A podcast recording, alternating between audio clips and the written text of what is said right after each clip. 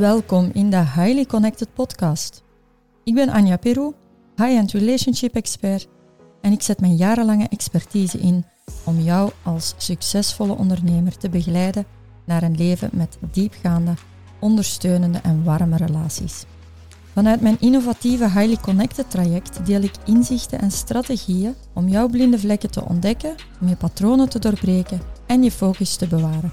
Ik deel herkenbare verhalen uit mijn praktijk, waardevolle inzichten uit mijn boeken en oprechte gesprekken met inspirerende gasten uit mijn netwerk. Met een breed spectrum aan hulpmiddelen en perspectieven wil ik je zelfbewustzijn en zelfrespect helpen vergroten. Mijn gasten delen openhartig de stappen die zij hebben gezet, zowel in hun professionele als persoonlijke relaties, en dat om jou te inspireren om je eigen leven voluit in eigen handen te nemen.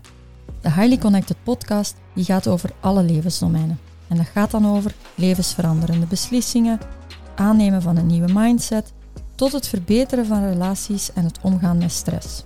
En ook spiritualiteit wordt besproken, maar dan eerder gezien vanuit mijn realistische en down-to-earth lens. Ik geloof namelijk sterk in het verenigen van wetenschap en spiritualiteit en in deze podcast wil ik beide werelden samenbrengen in een verfrissende en inspirerende mix. Veel inspiratie gewenst.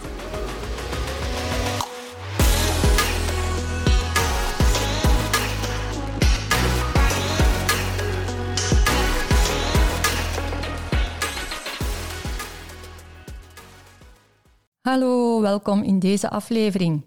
Ik wil je in deze aflevering graag meenemen door het denken, doen en voelen proces als je door een challenge gaat, als je door een uitdagend, um, spannend avontuur gaat. Iets wat dat je triggert, iets waar dat je ja, toch wel door een spanningsveld gaat, door een angstmuurtje gaat, of ja, waarbij dat je je grenzen gaat verleggen. En om u daarmee door te nemen, neem ik je graag mee door de Antwerp 10 miles die ik zo net gelopen heb. Niet zo net een uur geleden, maar een paar dagen geleden. Maar de Antwerp 10 miles die ik uh, nu de derde keer gelopen heb en waar dat ik heel veel reflectie voor, tijdens en na heb gedaan.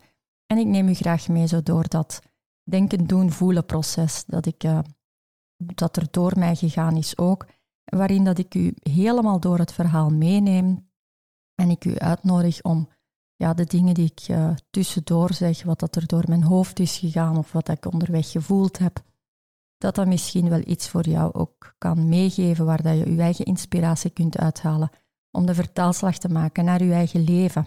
Als je ergens door spannende beslissingen, door spannende tijden uh, moet gaan.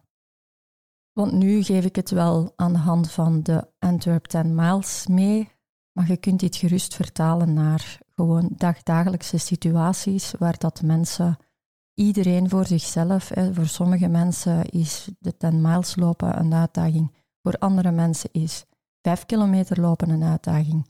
Maar voor nog andere mensen is uh, lopen helemaal niet iets wat dat hun aanspreekt en kan het eerder gaan over een carrière switch maken, bijvoorbeeld. Of naar een andere relatie over willen gaan, bijvoorbeeld. Dus vertaal het voor uzelf naar de situatie waarin dat het voor u van toepassing kan zijn. Hoe is het nu allemaal gelopen? Hoe is het allemaal gegaan voor mij?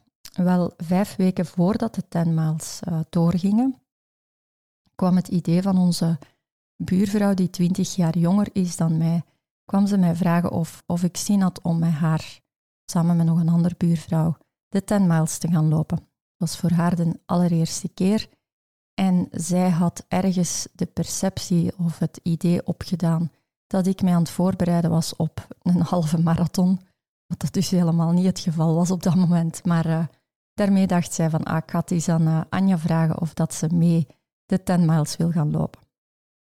Al snel zei ik ja en ik denk dat ik de avond zelf nog al ingeschreven had, dat de inschrijvingen al in orde waren.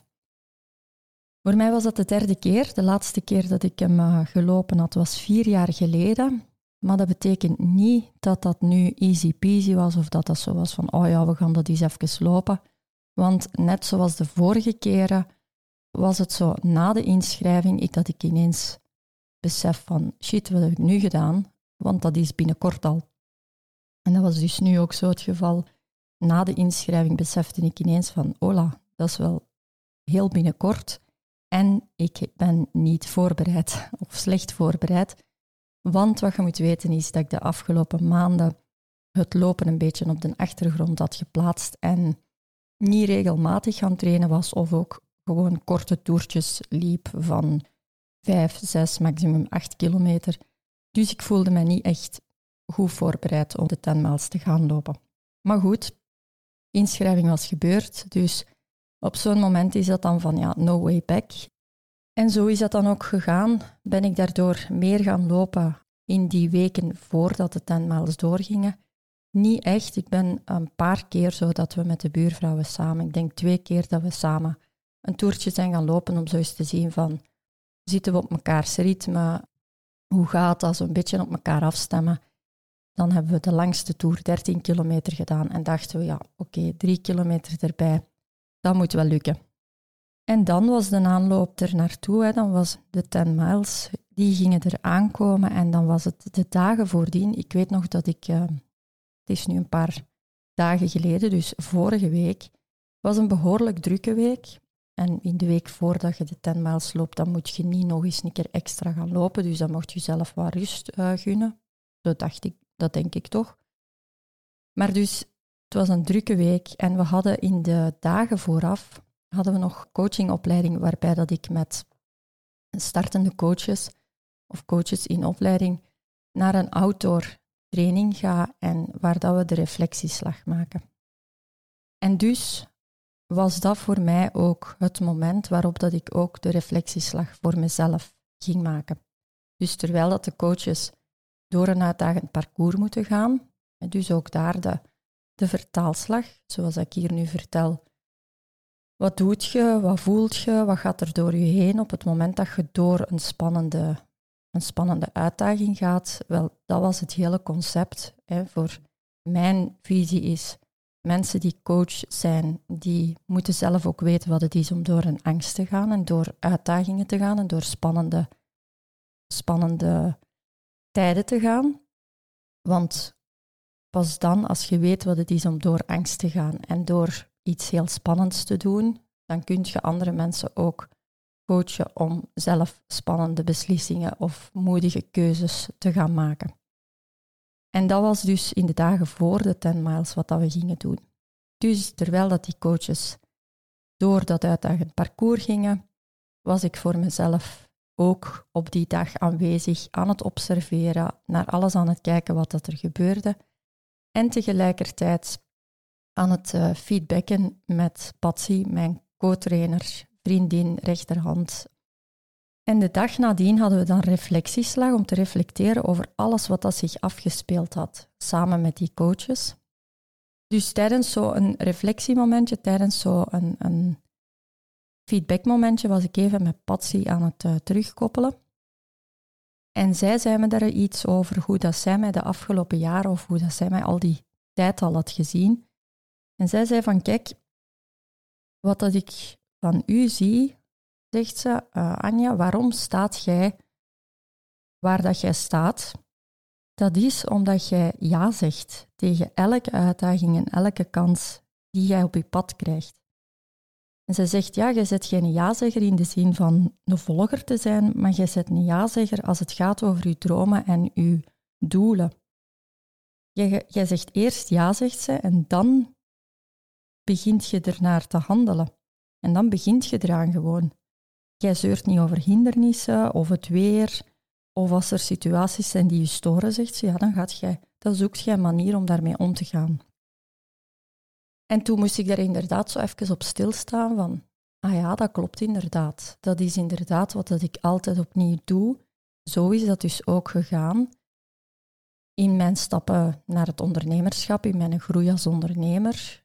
Ik zeg ja en dan volg ik wat, dat ik, wat dat ik wil doen. Ik volg de richting die ik wil uitgaan en ik begin er gewoon aan en ik begin te handelen.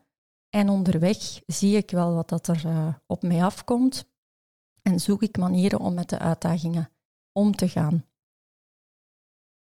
Het is door eerst te doen Dat is wat dat voor vele mensen, vele mensen zie ik daar al blokkeren. Dus mensen stellen de vraag van, heb je gezien of, of, of ze hebben een idee. Mensen die zelf nog maar een idee hebben. Ze hebben een idee, ze hebben een droom, ze hebben een doel. Maar ze zeggen er niet ja tegen. Ze zeggen wel van, ja, ik wil dat wel. En dan komt de maar. Maar en alle obstakels. En dat is waardoor dat veel mensen gewoon er niet toe komen om hun doelen te realiseren of naar hun dromen toe te werken. Dat is omdat ze hun dromen en hun doelen gewoon kapot redeneren en dat ze over die hoe aan het nadenken zijn of dat ze gewoon die eerste obstakels al zien. Het is door eerst te doen, het is dus door eerst ja, ja te zeggen tegen iets, dus door eerst een challenge aan te gaan, dat je, en dan het te doen, dat je ergens komt. En het is pas daarna dat je moet gaan nadenken. Het is pas onderweg dat je verder moet nadenken. Door eerst voor mezelf die ja te zeggen tegen die inschrijving en die inschrijving in orde te brengen. Dus niet eerst na te denken van, oh ja, ik wil wel, maar ik zal eventjes wachten om mij in te schrijven om eerst te zien hoe dat ik de komende weken ga trainen.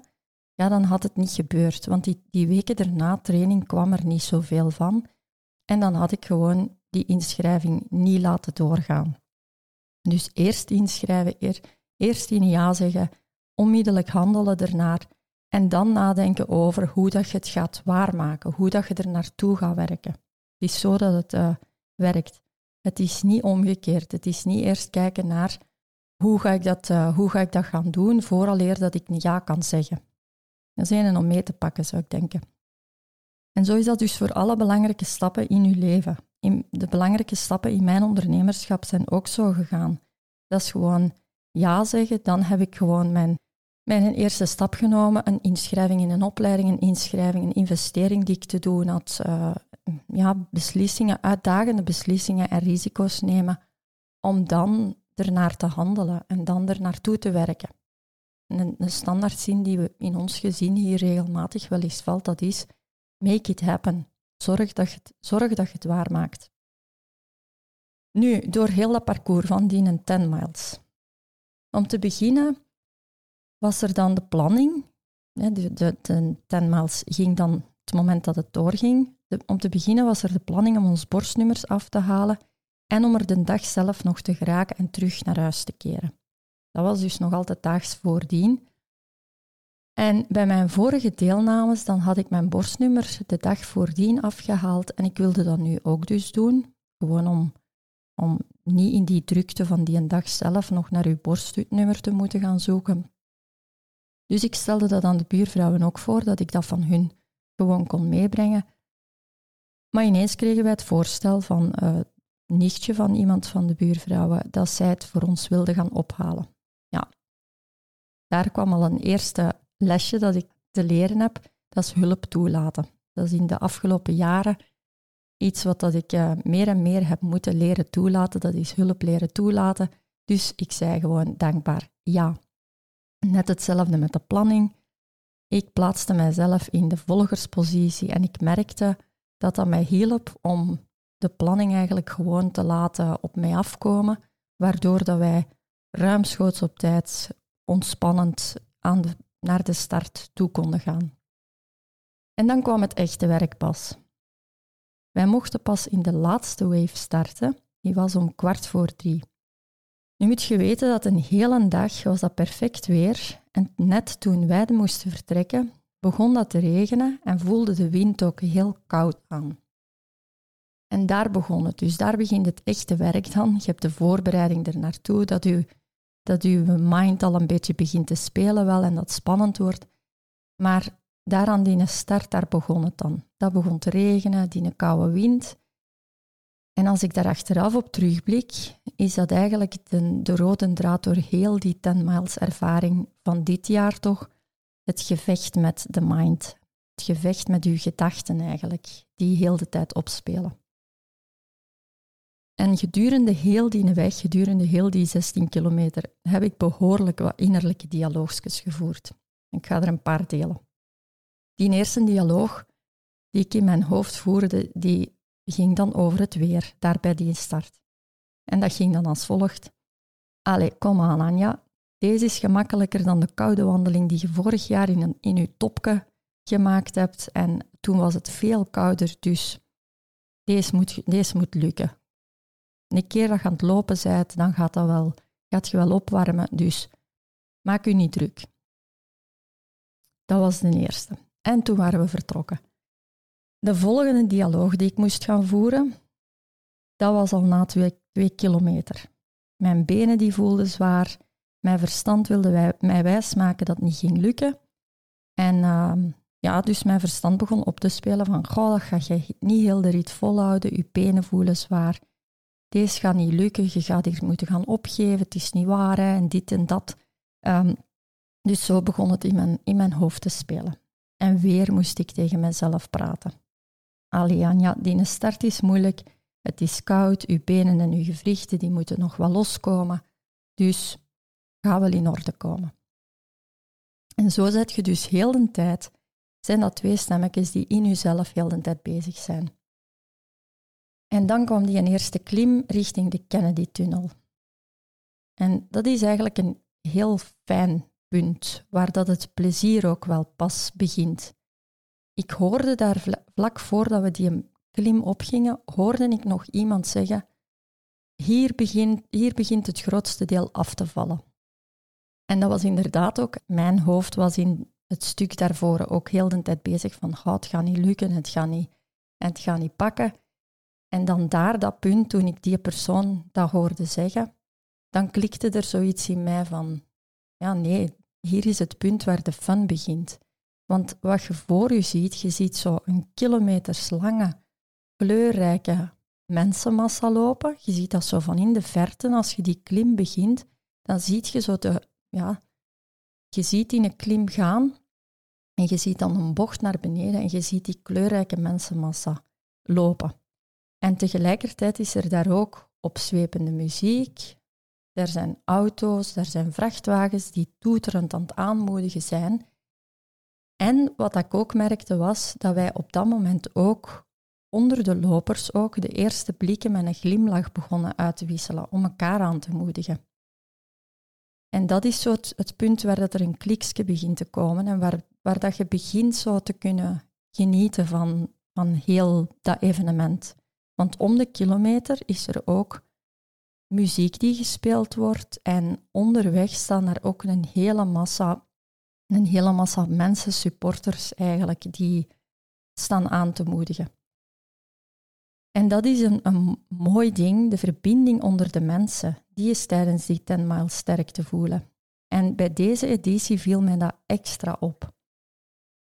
Er zijn de lopers die het moeten doen, maar zonder die supporters en zonder die aanmoedigende muzikanten die daar om de kilometer staan, om daar een hele dag muziek te maken, ja, kunt jij evengoed gewoon 16 kilometer in je achtertuin gaan lopen. En dat is eigenlijk waar dat, waardoor dat, uh, het makkelijker wordt om die te gaan lopen. Dat is ja, die muziek, die supporters die daar allemaal staan en heel die, die massa eigenlijk die elkaar meedraagt. En wat dat de organisatie deze jaar ook had gedaan, dat was dat ze bij het borstnummer de voornaam afgedrukt hadden. En ik vond dat heel slim gedaan. In de laatste kilometer heb ik het even echt heel moeilijk gehad. En daar hoorde ik ineens een wildvreemde, een wildvreemde jonge kerel, hoorde ik ineens roepen, kom aan Anja, je bent er bijna, je bent keigoed bezig. En onderweg had ik dat ook gezien naar andere lopers toe, dat, er, dat die ook zo met hun voornaam toegeroepen werden van aan de kant. En ik zag, anderzijds zag ik ook lopers die hun naam weggekrast hadden. En daar had ik nog bij bedacht van, ja, hoe jammer is dat? Je ontneemt jezelf, je ontneemt het jezelf dat mensen u kunnen aanmoedigen. En dan ergens onderweg werd ik ook ineens verrast door mijn man en ons dochter, die ook kwamen supporteren. En dat was ook een heerlijk moment, waarin dat ik in een fractie vergeten was dat ik midden in een klim zat en op kassei aan het lopen was. Ja, en dat is dan volgens mij, hoe dat ik dat dan zie, is dat, dat is de kracht van liefde. Hè? Waar dat liefde is, wordt pijn vergeten. En de kracht van, van verbinding eigenlijk. Als je dan zo heel dat parcours ziet, daar zijn verschillende keren dat het uitdagende stukken zijn. Maar eigenlijk die uitdagende stukken, die worden zachter gemaakt of die worden eigenlijk makkelijker gemaakt doordat er daar zoveel verbinding is, doordat, er, doordat je aangemoedigd wordt van aan de zijlijn. En dan was ik ineens halverwege en ik, ik weet nog dat ik op dat moment bedacht van oké Janja, hier hebben mensen de keuze. Dat is het glas half vol of half leeg zien. Ofwel jammeren wij nu dat we nog acht kilometer te gaan hebben, ofwel gaan we beseffen dat we al meer dan de helft achter ons hebben en dat we goed op dreef zijn. Ja, ik ging dus voor dat volle glas. Maar ik moest dan toch nog een paar keer terug in dialoog met mezelf hoor. Want dan begon het pas dat eigenlijk zo mijn knieën zich begonnen te laten voelen. Ineens begon ik mijn knieën, die begon wat pijn te doen. Dus ik moest voor mezelf daarop letten dat ik niet zou opgaan in de pijn. En dus weer in gesprek met mezelf. En dan, dan ben ik zo echt beginnen praten tegen mijn verstand. Dan heb ik zo mijn verstand zo een, een echt gesprek gevoerd en heb ik gezegd, ja, lief verstand, deze 10 miles die ga ik niet op verstand gaan kunnen lopen. Ik ga u nodig hebben, ik ga het op mijn benen moeten doen, maar ik ga u wel kunnen gebruiken om mij aan te moedigen. En ik weet dat jij graag ook meedoet, dus wilt jij me alsjeblieft helpen door helpende gedachten in te brengen om mijn lichaam aan te moedigen als het moeilijk wordt. En mijn verstand heeft uh, toegestemd. Mijn verstand heeft ja gezegd dat het mij wil helpen. En het wordt plezant dan, hè, als je zo op die manier kunt het, het een dialoog met je verstand kunt gaan aangaan en je kunt gaan samenwerken met je verstand. Want dat is wat we dikwijls als mens doen. We zijn dikwijls met, onze, met ons verstand aan het vechten. Ons verstand die wil alles rationeel bekijken en alles rationeel onder controle houden. En dan zitten we in een innerlijk gevecht dikwijls en dan zijn we tegen ons verstand aan het vechten. En wat ik geleerd heb is, je kunt beter je verstand vragen om samen te werken. Dus je kunt dat nu misschien de gekke vinden dat ik zo op die manier met mijn verstand in dialoog ging om te vragen van wilt je mij helpen? Maar je moet het maar eens proberen hoe dat, dat voor u kan werken. En als je dan van die rustige dialogen met jezelf kunt gaan voeren, dan kun je gaan een bepaalde rust gaan voelen en je kunt een bepaalde, en net zoals dat je supporters aan de zijlijn staan hebt, kun je dan op dat moment je eigen verstand vragen om je eigen innerlijke supporter te worden. Maar dan, wat als het u ineens overvalt? Want ik zeg nu juist, je kunt een dialoog met je verstand aangaan en je kunt vragen aan je verstand van, wilt jij mij subiet aanmoedigende gedachten geven, want ik ga door een challenge gaan of ik ga het zelfs moeilijk krijgen. Wilt je mij dan helpen? Maar er zijn dus ook momenten dat het u ineens overvalt en dat je dat niet voorzien had en dat je die een dialoog niet gevoerd had. En die momenten ben ik ook tegengekomen. Er zijn momenten geweest dat het mij ineens overviel, ondanks het feit dat het mijn derde keer 10 miles was, was ik, waren er toch momenten dat er mij een gevoel overviel dat ik niet verwacht had of dat ik vorige keren niet ervaren had. En de, deze keer was dat, wat ik niet verwacht had, was dat ik twee keer zou overvallen worden door een claustrofobisch gevoel. De eerste keer was bij de ingang van de bekende konijnenpijp. En dat is de ergste tunnel die richting het einde van de, van de 10 miles was. En wat het er daar deze keer was, was bij direct bij de ingang van de konijnenpijp zag ik een ambulance staan en dan zag ik dat ze bezig waren met een mens die ja, op de grond lag, een mens die tegen de grond lag. En direct daarna waren er ook nog mensen rond mij die ik hoorde praten. Er was iemand die zei van, this is the end game. En dan was er nog iemand die ik hoorde zeggen van, nu moeten we gewoon zorgen dat we uit die een tunnel hier geraken. En door die stemmetjes, door dat wat dat er rond mij gebeurde en die ambulance dan, ja, begon er mij zo een beetje een bezorgdheid te overvallen. Dat overviel mij zo ineens, dat benauwende gevoel. En dan werd er onderweg ook nog eens een keer, tot drie keren toe, werd er echt zo met dwingende stem door die tunnel geroepen dat we rechts moesten houden om de diensten door te laten. En bijkomend, dat is een kilometerslange Ehm, ik denk dat die een twee kilometer en half of zo is, die een tunnel. Bijkomend was er dan ook nog eens een keer weinig zuurstof en werd dat hoe langer, hoe warmer in die tunnel. Met allemaal die mensen die dan regelmatig naar rechts uh, allemaal samengetroept werden. Ja, daar werd het mentaal dus effectief serieus moeilijk. En daar heb ik een andere dialoog moeten voeren met mezelf. Wat dat er daar spontaan gebeurde, was dat in één keer dat ik begon te rillen, mijn kaken begonnen te klappertanden en ik begon te rillen. Ik wist uit mijn Wim Hof lessen nu wel dat als ik begon te rillen, als je begint te rillen als mens, dat je dat eigenlijk moet toelaten, dat je daar niet mocht tegen vechten. Dus op dat moment mezelf toegelaten van oké, laat het maar toe. Ik liet mezelf ook toe om angst te voelen. En weer ging ik praten met mezelf, maar deze keer dan op een meer geruststellende manier. Deze keer zo van, het is helemaal oké om deze even te voelen. Laat het trillen maar toe. Het is hier even heel spannend. En nadien is dat opnieuw gebeurd dan in de voetgangerstunnel. Dus als het ten gedaan was, dan moet je naar huis keren. En dan gaat iedereen in massa door de voetgangerstunnel. En daar stonden we dan ook in de voetgangerstunnel. Voor mensen die dat niet kennen, dat is uh, ja, de voetgangerstunnel onder, de, onder het water door. Een hele smalle, diepe pijp waar je een paar roltrappen naar beneden moet. En dan in die tunnel door een, ja, dat is een smal tunneltje waar je door moet. Daar stonden we dan ook een bepaald moment in massa stil. Ja, als er op dat moment paniek uitbreekt, dat is ook een konijnenpijp van gedachten waar dat je dan in terechtkomt. Dat wilde dus niet naartoe, naar die gedachten. Maar dus ook daar overviel mij dat even. Die file die daar stond, dat stond allemaal vast. Een grote massa mensen bij elkaar en dat claustrofobische overviel ook daar mij weer.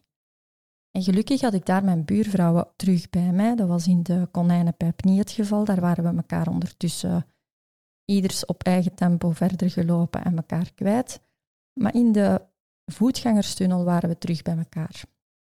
En daar heb ik hun gevraagd om mij aan de praat te houden en ben ik bewust wat trager gaan ademen.